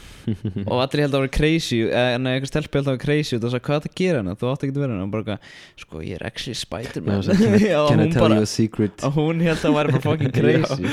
Ég var bara að hlæja á hann sko. Ógeðslega fyndi sko. Það er fucking myndi Þetta er fyrir myndina, fór hann bara í Já, skóla. fór eitthvað í skólan til að experience og skilja hvernig high school í bandaríkjunum er. Mhm. Mátt það bara. Já, bara eitthvað einn Já. dag bara Child pervert með Það var svona secret eitthvað sem geti Það er náttúrulega vanið breskum skóla sem er allt öðru sem menning Já. sko. Svona dresscode og allir Skólarnir. sömu fötunum og sleiði hendunum mann sem segir eitthvað villust Já, það er ég Þetta er svona svona- stereotypes. Jaha Ég veit það ekki alveg núna sko en Þetta er svona stereotype svona gamla dag svona. Mhm. Reglustíkuna alltaf hendur Nei Rikki var alltaf hótt að gera. Það var alltaf Nei. að það fuck Nei, ekki hótt að gera, var alltaf að grínast með það. Fuck ég myndi Já. Starfræði kennar Já, það, já, Hann er svo mikið sef- bara alltaf í borðið sko, bara til að hræða okkur kom bara svona kush, og maður, Starfræði kennar kom svo mikið savage Það var svo fuck ég myndi Það var bara Mm. alltaf bara eitthvað Bara eitthvað stund því Það var bara svona, Já, ok, sorry. Já, getur farið Alltaf í jóki samt sko Það fucking ekki Já, gott að það var skemmtilega að kenna sko, þeir eru bara ef ef kennarum manns eru þreyttir á lífinu og nenni ekki að kenna krökkum sem nenni ekki að hlusta á þig þá ertu ekki á réttri starfsbraut sko, eins, eins leðilegt að það er. Ég til dæmis lærði það fyrst bara, þú veist, þegar ég byrjaði svona að átta mig á því að námið getur verið skemmtilegt. Þegar það var í sögutíma sem ég bara bjóst ekki við að ég myndi detta svona mikið í þá hafði kennarinn svo ógeðslega mikið áhuga á því sem hann var að tala um. Mm. hann bara talaði um þetta bara eins og hann væri að tala um einhverja sögu sem hann hefði lent í og bara elskaði sögu sko. og þá var maður allan tíma bara starrandi á hann bara, bara já, já, ég skil. Og nefnt að lesa þá það sem hann setti fyrir manni skilur en ef þið voru bara eitthvað, lesa upp úr bók eða kveikja á einhverju mynd þá bara sopnaði í tíma eða, eða horfði á Netflix. Ákveða Stranger Things Já, já, það er gott, það er gott Ég horfði á sko seri, hvað, seri þrjú, ekki? ég er ekki kom, er, komna, er ekki að koma þrjú núna? Nei, fjórðu er að koma. Já, ég hor- þegar þrjú kom Já, út. svo horfði hann bara alla einu degi, sko. Já. Já, ég Mm. tek alltaf greinlega Ég ger þetta alltaf óvart, ég ætla bara að horfa á eitt þátt Síðan er þetta svo allt of spennandi þættir Já. Að ég bara horfi á það alla nóttina Og síðan er ég bara svona, ok, herri, ég verð að horfa á síðasta Og síðan fer ég að svo Þá klukka bara náttuð morgun Og maður bara missar öllum deginum. Það er worth it, sko. er Mjög worth it, sko. Það er líka gaman að sjá svona hvernig þið hann að hvernig þið hérna þroskast eða þú veist, hvernig þið verða svona þú veist, það eru svona eiginlega krakkar í byrjun Já, fyrstu þín, svo svona eru Já, vá, þau verður bara svona Ég man þetta, ég horfði á þetta langt eftir að það kom út sko, skilju, þannig Já. að komna fyllt, ég held að sér þrjú að mér svo komin. Já, þú varst ekki í það svona Nei, bí, býða eftir það þeim kom- sko, Ég ég ma- beði alltaf sko. Ég man samt Já, þegar allir ég voru var að í tala, þú veist, með að því, býða sko. eftir þessu En svo horfði ég bara, ok, núna horfði ég þetta. Það var bara búm, búm, búm. Mhm. Og þá var þetta allt svona strax, þú veist, ég fekk þetta allt bara svona. Og bara, vá, hvað er bara eitthvað Allt í náttúrulega núlingar og bara svona Nákvæmlega sko. Þetta er allt öðru svo upplifin Ég nefnilega uppáhalds þættinu mínir ever eru hann að Dexter. Það er þessi Dexter. Ah. Ég veit ekki sjá. Það er um þannig að uh, forensics gæja svona, svona blood svona specialist einhvern í, í svona LA, neðan að Mi- Miami PD eða eitthvað svona. Mm. þannig að eða Florida eða eitthvað einhvers stað þar. Og hann er secretly hann að raðmórðingi og What? veist, já, og en, að- er það Netflix, já? Já, nei, hann var á Netflix, þetta er alveg, alveg Fuck. þætti frá 2005 eða eitthvað svona en þá einmitt líka horfði ég á þá bara svona alveg gegn út af því þau voru allir komni sko. en þetta er rosa áhört hann er svona, hann er ekki bara að þú veist, drepa bara til að drepa þá myndum maður ekki að horfa á hann, skilur við, sem svona Psychopath hetju, hann er náttúrulega psycho, skilur við Mm. en hann, hann er bara að drepa fólk sem á það skilið hann er svolítið svona Hvernig er það? Fucked up vig- vigilante einhvern veginn sko. Ok. það er bara fólk sem hefur drepið saklus þá tekur hann life for life einhvern veginn. Mm. og þetta er rosa áhugavert og þú veist, gett spennandi. Hann vinnur í að þú veist departmentinu, murder departmentinu skilur og er að hjálpa og þú veist, þá er hann oft ef hann er næstuði náður þá getur hann bara bjarga sér sjálfum út af hann er bara í þeirri deild. Þetta er ógeðslega skemmtilega þættir ég mæli mjög vel með sko. Já, þetta er pínus þættinir eh, Ég veit ekki alveg hvað þetta er pínus En að þættinir jú já, ég held að mér, það er alltaf verið að líka mér Við gæjan í jú sko. Ég sé það alveg, sko Þetta ég, þú, þú ert jú ég fæ nokkru sinnum þetta komment sko, á, á. TikTok bara, er þú ekki hann, með þú lítur þessu gæni, jú Ég sagði fyrir utan hjá mér ég, ég tek þessu, samt, þú veist, ég hef aldrei séð jú, sko Ekki, Ekki, það ég er með, creepy sko. Já, nákvæmlega, þannig að ég Samt, tek þessu sko, svolítið ég bjóst sko. ekkert við þessu í þessu þáttum, sko Hann er sér svona psychopath Eða svona. Svona Það er svona eitthvað, eitthvað stóku, Já, maður býst ekkert við því. Hann er Það er svona svo fyndið, normal gæ Hann er svona sára bara á hana Svo allir byrja bara ekki að runga sér og Oh Það stöndi, maður bara ekki að what the fuck? Þetta er svona eitthvað random, sko. Það er ekki gaman að vera líkt við þennan gæja Þetta er ekki hann að gæði hann Ég sagði fyrir utan hann Eitt ógisla fyndi, manneskja sem hefur alltaf verið líkt við Já, og ég tók því ekki sem hrósi áður þegar það var ekki hrósi áður en núna tek ég alltaf sem hrósi. Mér er alltaf verið líkt við Justin Bieber. Jaha já alltaf. Og ég meira sér að lendi í því að einu svona held einhver að ég væri Justin Bieber í allan eina sekundu sko. Það var, ég Og leggstu ég, með það? nei, nei, nei, sko, Ah. ég, þú veist, hann bara fattaði það nógu fljótt að ég gæti ekki verið svona, já, já, ég er Justin Bieber. Já, já, já en ég var um veturinn einhvern tímann í London á Oxford Street. Næs, Fórum góð kalla í, já, það var úkislega gaman í London sko. Fæstu þér ekki hérna Fuck, hvað heitir þetta? Krembe Já, krep Kreip, já, jú, svona í svona food truck eitthvað, sko, já Ég fæ- Ég fæ mér náttúrulega hverjum degi, sko. Já, það er svo gott sko. Ég elska, elska svo leið sko. En hann fór í Adidas búð Bara ég ætla Já. að köpa mér bara æfingatösku tösku, Og ég var með aflita hár Einmitt á sama Ó, tíma Og hann var með aflita hár Svona, bara svona alveg svona blond. Og var gett fínklættur Ég var með pappa mínum Úti í London eitthvað svona Næsti að koma í jól Og kaupa jólagjafir og alls konar Og þá hann að þá var ég inn í Adidas, Adidas, búðinni og sitt á kassanum. Eða stendi á kassanum og, og það lítur eitthvað svona starfsmæður til hliðar og kemur svona alveg bara og síðan kemur Oh my god, I thought you were Justin Bieber. Og ég alveg bara What the hell? Og síðan kemur Can I take a picture with you? You, you look just like him, I want to send to my friend eitthvað Ég bara, já, já, ekki mál, tók mynd með honum og, og heyrði aldrei meira um þetta sko. þetta var Nei. ógeðslega áhvert Oh my god, you're Justin Bieber. Það er þetta Já. Skrítin upplifun Núna fæ ég bara, hei, er þú ekki hana? Ætt respect, er þú ekki TikTok-gæinn hana? Er búin að Eða bara, fara- hreinlega bara TikTok? Það er að fá mikið hann eða? Já, alveg mjög oft, sko. Já, það Og hvað, aldurinn á krökkunum? Mjög mismunandi, það er sömur Ég lendi í einu svona, ég var bara að lappa í skólan Og svona hópur af svona Svona úlingum, ég myndi segja svona Svona allavega búinir að fermast, sko. Já. Og voru bara, þú veist hei, hann er respekt, með að taka mynd með þér með að taka mynd með þér ég, eins og bara, þú veist, í fyrra dag í vinnunni þá kom bara svona krakki sem var bara þú veist, svona hávaksin var bara TikTok. Og ég var bara, blessaði mér má, ég fá mynd með þér? Ég var bara, já, auðvitað þurfti að beigja mig niður til að vera á myndinni með, sko en, en ég bara bjóst ekkert við þessu, sko. Ég, þetta var ógislega hendi. Já. Samt skemmtileg tilfinning að- með- að fólk vilji mynd með manni bara út af myndbanda á netinu. Já, en þú með þá skrítið. 7000 og hvað, followers? Er ég næstu, já ég er með 7600 7600 Cirka. Nei mm. Við þurfum sjö við, sjö sinnum meira. Sjö sinnum meira. Þá getur einhver komið og sagt Nei, samt, við, við höfum samt að líka fengið recognition. Já, recognition. Recognition, bara fyrir að við vissum ekki að perla snýst. Já, já. svo það? fyndi- Já, ég sá það. Ég fattaði ekki að það væri þið út að ég sá það inn á hana íslensk TikTok hana Instagram akkantinum Var það sett þannig? Ha? Já, það er í story Já, Þegar maður er aldrei taggaður sko. það sé, það Það maður, sér, maður er bara heppin og maður sér TikTok í sitt sko. Við þetta Instagram?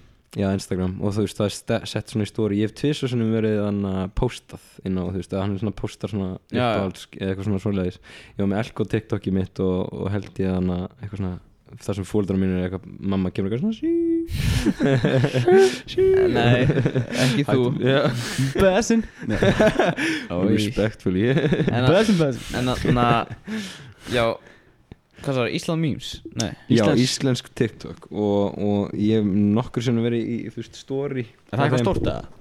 Já, það er ákveðlega stórt Í skærum mörg follow Ég held það sem er 2000 og eitthvað sko. Mm. Þeir eru alveg, en ég sá það í stóriðinu hjá honum og ég fattaði ekki að það stóð hann og tveir fella sko, og ég var bara að pæla hvernig í fjandarn vissu þeir ekki að perlan snýst? Það er leiki.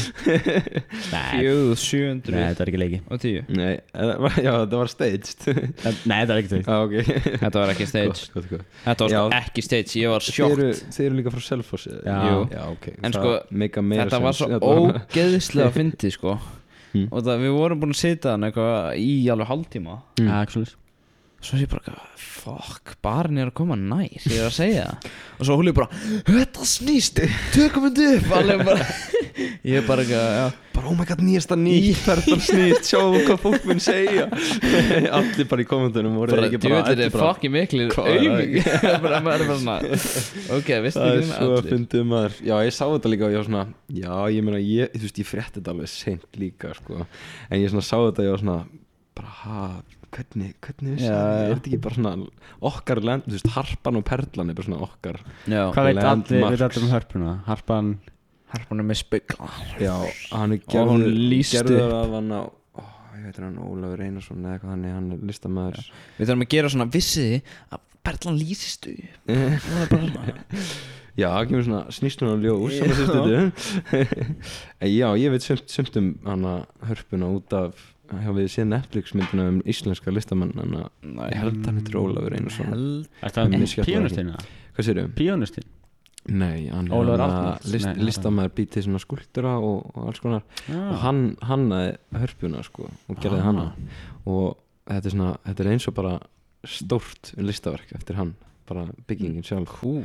Ógæðislega flott. Og maður bara svona, ég vissi ekki þegar ég sá þessa Netflix mynd að þetta væri bara einhver íslenskur listamæður sem bara datti í hug hann er rosa mikið fyrir svona geometrísk form einhver svona, Já, já. það er nefnilega bara öll harpan skilur Það er bara svona já og mikið að gera svona ljós eins og eitt verki eftir að hann var bara þú veist herbergi sem var bara svona alveg gul ljós bara svona, þú veist svona rosa sterk gul ljós.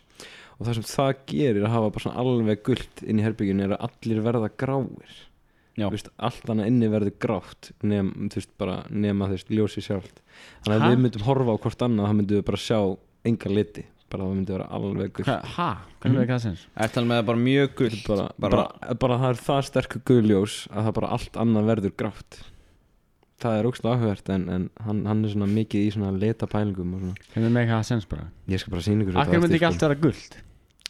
allt verður gult nema það sem lit. Ég veit það ekki. Hafið, hafið verið með ledljós sem er að blikka svona mismunandi lit Já, fokk, og maður fær hort, næstu bara fló. og síðan að breytum lit Já Já, þetta er alveg svo að þeir eru með þú veist bláan skjá í sjónvarpi og þeir fáið gulan skugga fyrir aftan einhver. Þetta er bara alls konar litinir Maður geta átti pælt í þessu. Já, þetta er svona, ég lærði mikið af þessu litafræði í, í myndlaskólanum en þess vegna byrja að pæla í þessu sko en þetta er, um, litir eru svo fucking magnaðir sko Ég er að pæla, ertu með eitthvað svona stóra hugmynd í hausninum? Ég spurði líka Ingu BH sem er TikTokið sitt. Mm. Er eitthvað stórt í haustum En þú veist, nei ég er að tala um svona með listaverk skilur sem við erum búin að hafa kannski lengi og er svona Já, hann er- Hvernig þú ætlar að executuna og hvernig svona Já, það ég er rosa oft að skrifa niður hugmyndir sko, ég er alveg með svona allt og langan nótslista yfir bara alls konar eitthvað svona lista hugmyndum og mjög margar svona hugmyndir sem ég svona gerir svona ef ég er komin á þennan stað í lífinu þú veist, ef ég verði einhvern tímann svona smá þekktur listamæður þá langar mér til dæmis að, að hafa verk sem er svona ágætla, ágætla frækt eftir mig koma inn bara alveg svona í svörtu og með grímu og hella bara málingu beint á, á verkið og, og þú veist ekki segja neinum að það var ég og sjá hvort það þú veist, þú veist mæla hvernig þú veist verðhækkunin verður skilur eða hvort það verður mi- Já. hana, hvort það er eitthvað mikilvægara verk út að, út að saga bak við það eða þú veist alls konar svona eða þú veist mér segja bara mesta sem ég langar að ná er bara að skapa tilfinningar.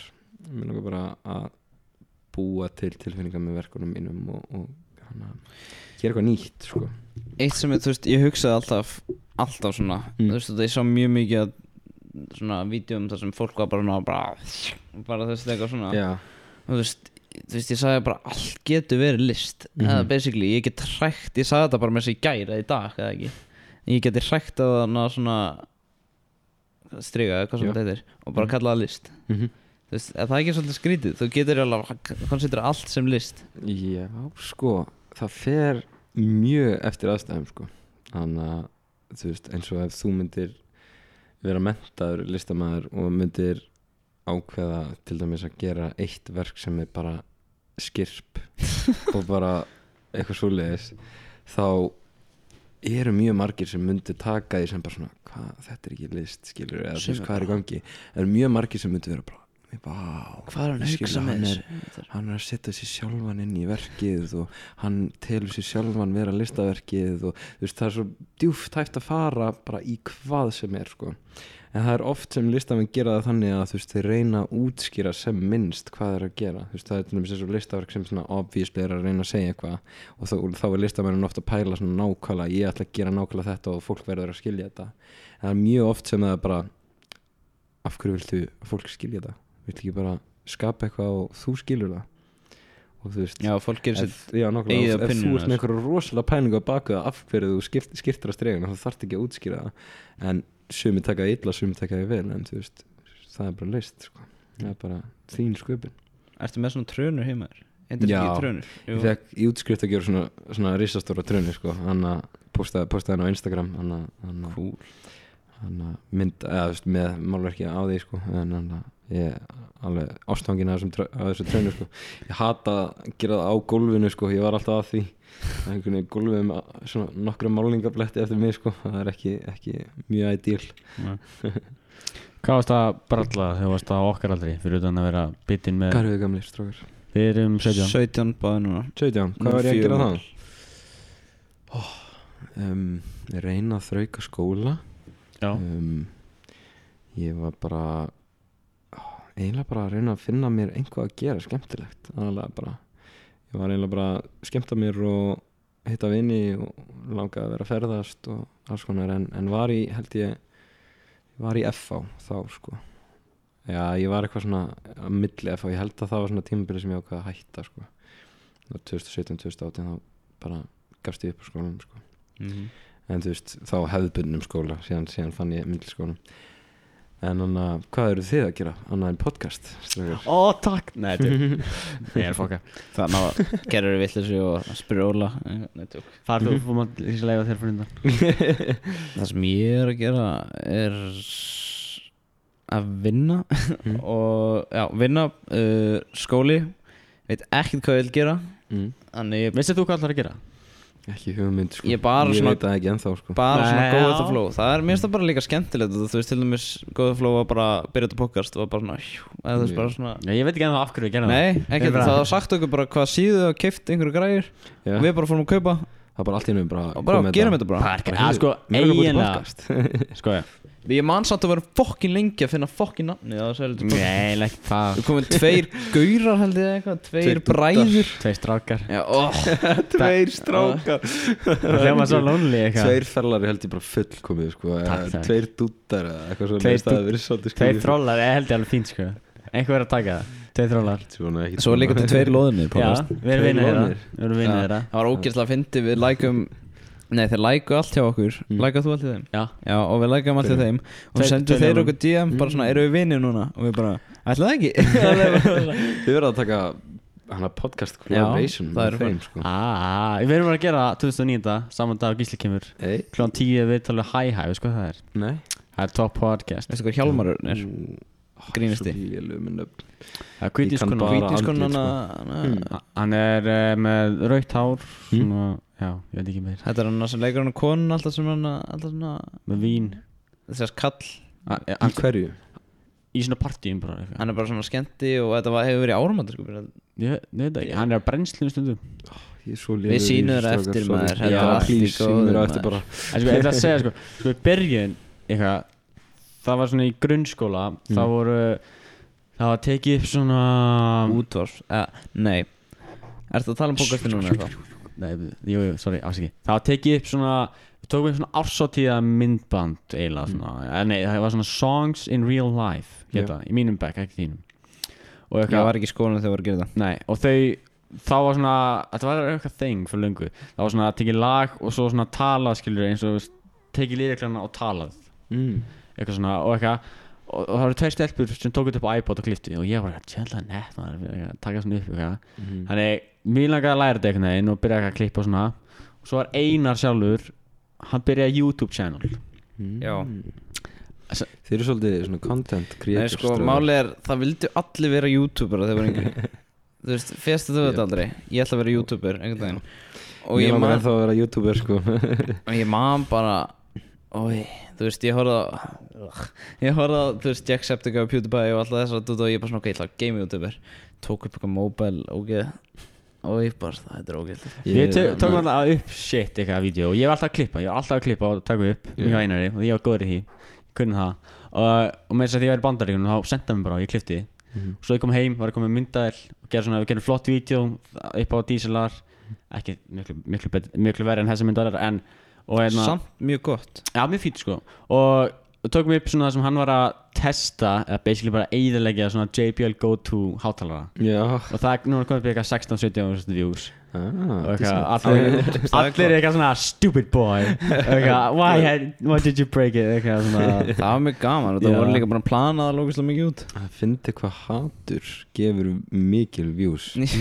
Það er rosalegt sko. Það er bara að þú kommentar einhvað að gera einhver kontroversjur Ég er til dæmis, mér er mjög gaman á TikTok að svona prófa mig áfram Já. í að sjá hvað fólk finnst svolítið mikið. Já, En þú veist eins og ég kom eitthvað kommentaði Joe Biden is not my president Þú veist, ég er náttúrulega Íslendingur og þú veist, postaði þessu og þú veist, gerði í endan það kom svona, I'm Icelandic þú veist, svona, sást bara í endan en allir fóru bara strax í kommentin bara, dörrur, yes, he is dörrur, bara, ég, bara ógæðslega fucking brjálu út í mig og þú veist, sömur sáu að kom IMS Landik og reynda að útskýra fyrir hinnum en þetta, þú veist, blóaði upp í rauninni, skilur út af því að kommentuðu svo mikið, séraði svo mikið Var það á TikTok? TikTok, já, en ég tók það út út af ég bara, ég, þetta var alltaf mikið hatur, sko, ég reyna að hafa Hatrið sig já, já, í lúmst, sko, ég bara reyna alltaf að hafa allt positiv í kringum mig, ég vill bara, þú veist vill bara að fólk sé bara happy og þú veist ég hef alltaf verið hana, bara mamma mín sagði mér um daginn sagði mér að hana, alveg síðan ég var krakki hef ég alltaf hugsað um aðra áður en ég hugsað um mig sjálfan ef að ég var að gera eitthvað með fullt af krökkum á leikskóla til dæmis og síðan fara allt í einu einhver eitt krakki gráta og hinn hópurinn bara held áfram að gera sitt þá var ég svo sem fór og talaði við hann eða reyndi villu vera með og þú veist og var svona svolítið bara svona að reyna að láta alla vera með og ég einhvern veginn bara hef alltaf verið svona að hugsa um aðeins meira um aðra heldur en ég hugsa um mig sjálfan sko. En það hefur bitið mig í rassinn og, og látið mig liða mjög illa en Ha? já, bara þegar bara svona lengur skilur ég bara var alltaf að hugsa um all, alla aðra og fekk svona, þú veist var alltaf að búast við ykkur tilbaka Já, en þú veist, það eru náttúrulega bara alltaf mistök að búast við ykkur tilbaka fólk náttúrulega sýnir bara mismunandi ást skilur og ég sýn hana bara svolítið mikið. Ég er svolítið intens með ástina sko. Ég til dæmis það er svo oft sem er neitað knúsi út að ég What? knúsa svo oft ókunna já þú knúsið það já ég er að spyrja, ég þið á hann, ég heyrði eitthvað svona Já, ég Já. barða hann þegar ég baki Já, þú Já. gerir það alltaf ég, ég kom bara eitthvað gaman að kemst þér og knúsaði bara þú veist, ég bara gera þetta óvart ég Já. bara, mér finnst bara gaman að knúsa. Það var pínu sem ég var að hlaupa burtu frá þér þegar þú komst Ég bara fór strax úr stiga en ég Já, bara ég sá að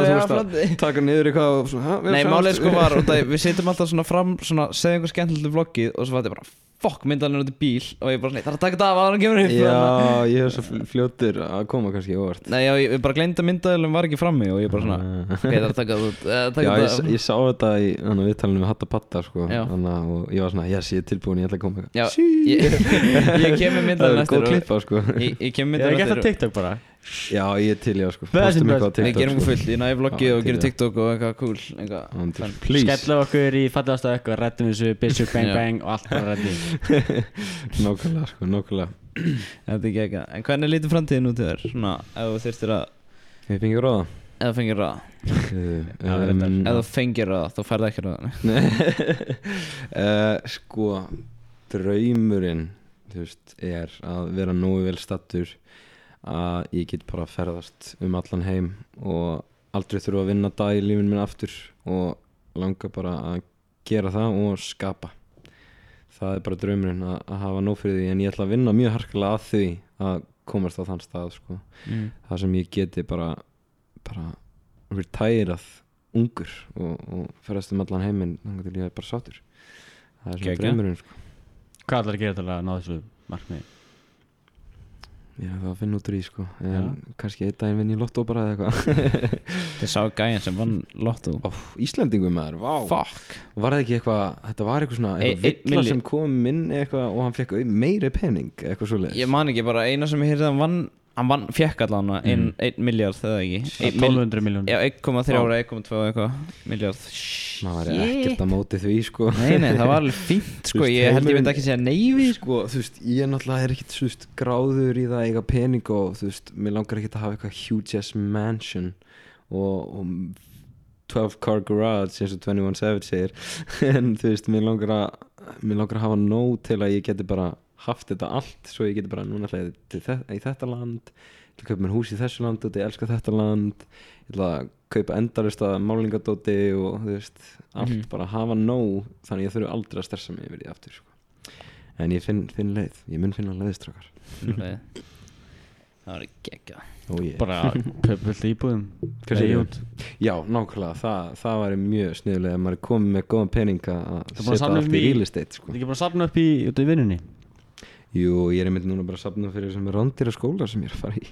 Já, þetta er náttúrulega er, er- já, það er alveg næstu í 600.000 krónur árið sko. Þannig að Og hvað er mörg ár? 300.000 kall, þetta eru þrjú ár. Já, Já. já ég hef fyrst byrja á bachelor degree. Það borgar sig upp. Já. Geggja Er það ekkert eitthvað sem er svona til útlanda að læra eða Sko það er nefnilega ef ég er búin að vera ár í þessum skóla þá færi maður svona Rasmus styrk, styrk sko, til að fara í skóla úti, þú veist, skiptinám. Og þú veist, ég ætla 100% að gera það. Ég mun örugglega fara til, veist, Ítalíu eða Barcelona eða eitthvað svona eitthvað sem er allavega tengt í svona lista, lista heiminn, sko. Það er alveg geggjað. Já, Hljóma vel. Langar bara það sem er sól alltaf. Ertu veist, mikið ekki neitt svona kulda. Nei. Sko ég er ég, þú veist, ég elska þetta land Ísland sko en, en það er bara að vanta svolítið sól hérna sko. Það er samt eitthvað Það er sumlund sem er bara alltaf heit sko. já, Allt of verður, heit. það verður örgulega, þú veist, eins og hér þá er þetta svo, ég elska sólina og það er líka örgulega pottið 100% út af því að sólin er svo lítið hérna. Já. Maður, maður elskar hana mikið meira þegar hún kemur inn á Íslandi en þú veist, kannski síðan byrjum maður að staða það sem er bara sól allan tíman og þá bara þú veist, missum maður bara vitið. Eða Já. bara nennir þið ekki. Þetta er náttúrulega, við erum Íslendingar mm, og við erum svo vinnur og ég man bara, þú veist, ég fór til Ástralíu fyrra. Mm. Fuck. Nei, Maður. heitti fyrir það ekki. Törstuði Já, Ástralía, maður, vá. Fuck, hvað það var heitt. Ég bara, ég bara þurfti að drekka vatn bara á 20 tímum frestinu bara myndi ég bara missa það. Ég bara var alveg bara Já, vá Þetta er, þetta er skeri land líka sko. Já, Það er sástu einhverja skemmtilegar Anna pöttur, Já, alveg. Risa pöttur Sko það var bara sagt, eða mér var sagt allan að bara þegar við fyrir á klóstið mm. þá áttu bara horfa beint á í gera dótið þitt bara og horfa bara bara á klóstið og með að gera og svo bara út, bara þú veist, ekkert verið svona þá myndu sjá, Það myndi bara gráta. Já það myndu gráta. Já, ég það var ógeðslega að fara að sofa maður var svona, ég man ég setti sængin alltaf svona alveg svona, ég var alltaf svona og það var sjóðandi heitt. Svo væri bara svona múmía og ekki veist, og ekki kemst inn, skilju Og svo sjóðandi heitt og ég vaknaði bara ógeðslega blöytur og ég bara alveg bara líka í sjóðandi heitu landi. Jésús Kristur maður. Ég man líka að það var eitthvað með Ég held, ég veit ekki alveg hvort mér dreymdi það ekki En það var eitthvað að loftræstin í einu húsinu okkar Mm. Og við bara Það var svo fucking heitt sko. Mér langaði Mm. bara að öskra eða eitthvað Það var svo ógeðlegt sko. Og ég meina sögu fyrir ykkur um nákvæmlega svona, svona closetferð ég var þetta á Spáni ég fór í eitthvað svona spænsku skóla í 11 daga með fullt af bara vinum mínum. Þetta var svona útlandaferð sem að þú veist, þá fór ég líka til Marokko. Mm. og hann að Uh, og ég fór inn á þú veist, ég var búin að bara fara á eitt sérstakar stað til að pissa út að ég þorði ekki inn á klósetin þannig að það var bara allt covered. Sem var ég svona, ok, fuck it, ég ætla, ég ætla að meðan upp hérna ég ætla bara að fara inn á klósetið og, og bara horfa bara á klósetið og síðan var ég svona bara eins og ég er bara byrjaði ég bara svona En bara forvitin, að ég gerði þetta líka sko. og þú veist, og var svona að passa ekkert að væri að koma maður niður eða var ekkert að fara detta á mig Og ég eitthvað fæ bara svona- já, ég, þetta er ó- óþægilegt sko. Og pæla ekkert mér í því svona, ok, ég er að klára, ég er að klára. Og síðan heyri í vinum mínum hana, fyrir utan hurðina, veist, hurðinu vinstra veginn við mig og heyri að þeir eru eitthvað að labba og ég líti hliðar og þá á hurðinni var bara svona svona stór fucking konguló sko, bara hárug og bara, bara ógæðisleg Snack. Bara á hurðinni, hliðin á hurðahúninum Og varstu með lokað hurð ég var með lokaða hurð en sem betur fyrir ekki læsta, ég þorði ekki að læsa sko, hana okay. Já, út af kongulómar, ég er þokkin skítrættið þessi kveikindi, sko, sérstaklega út af Spáni þá, þú veist, getur að vera eitthvað actually, þú veist, hérna á Íslandi er ekki trættið við þess að litla ég var líka bara í Ástralíu sko svarta ekki hann, já nei, ekki á Íslandi. Já, Jú, fett kom einhver hana með vimburum Já, þetta, þið náttúrulega geta byrjist Og ég var alveg unnið í græmiti bónus Og ég Ó, skýt nei, ó, Og ég nei. skýt, skýt, skýt, skýt Trættur um að koma í fucking Ég er alltaf bara Bara eitthvað svarta ekki að beitna á Já, Ísland taka bananna, þá var maður svona uh, maður sé myndir Já, af þessi, sko. Já, já. En já, sko, það sem gerði síðan var bara ég sá þessa köngul og ég bara stoppaði. Ég bara gæti ekki pissa meira. Ég, bara, ég var bara búinn þannig, sko og, og þá hann kallaði ég bara á vinnunni, var bara strákar, strákar opniði fokkin hurðina opniði fokkin hurðina og þeir eru eitthvað af hverju, af hverju? Eitthvað að reyna að segja og síðan bara strax að vera að opna þá bara svona vjum, þegar ég var að beint fram hjá hann ég bara, það er kongulaðan inni, dílið við þetta. Og hleyp burt bara hleyp aftur inn í herbyggju og bara svona oh.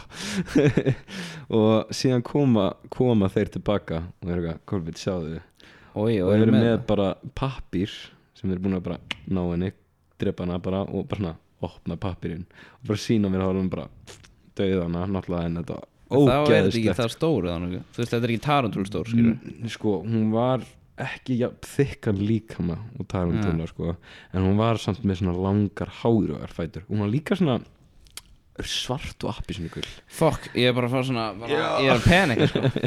Það var ekki skemmtileg sjón sko en, en ég fer ekki aftur inn á klósettun og spáni sko Pissa bara í einn bleið hvað sér um? Tekur ekki bara bleið með já, næst, þá tek ég bara player svona gaman.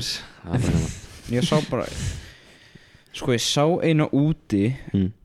sem var hjúts Mm. sem betur fyrir kerrið fram í hann Þetta var í bíl sko. Ég var bara fuck, getur getur fyrir þið alveg var Nei, hún var sko, hún var sko lengst í bursti mér þess að Þetta voru mér sem bara kerrið fram í Ég bara sá hana, sagði ekkert.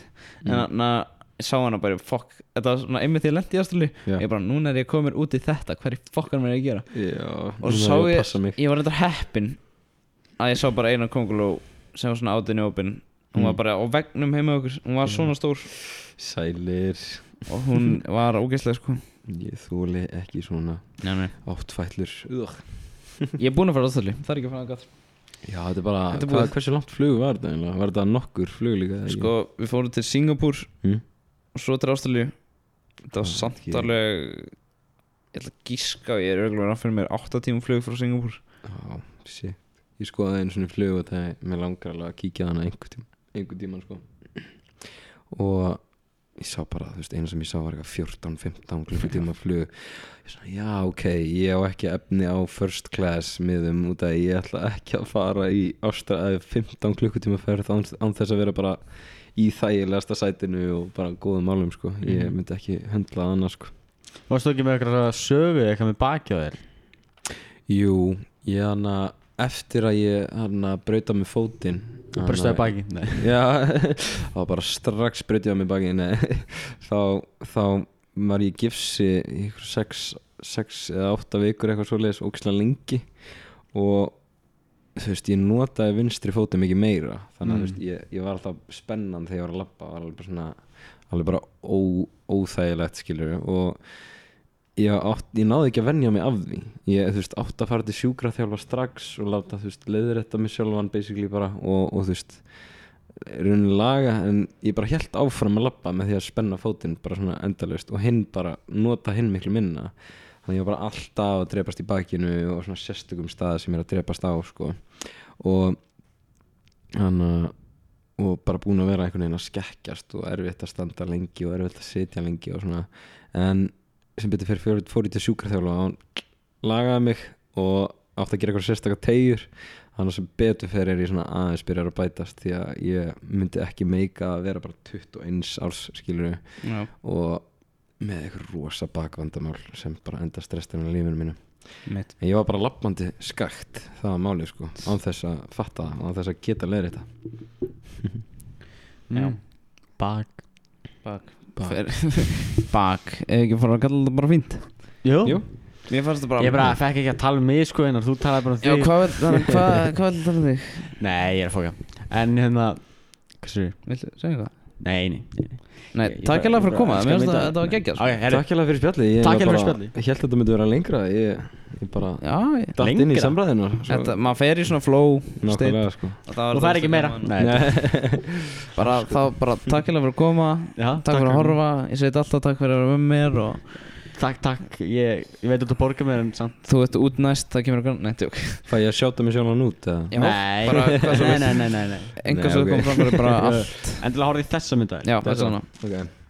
Uh, Followa mig á TikTok, iDrespect og Insta Instagram, Colli Coco Ég er með ágætlega skemmtilegt kon anna, content Þannig að kíkja á mig. Og bara, já Cool. Geggjað Bless Verið sæl Nei, nei, nei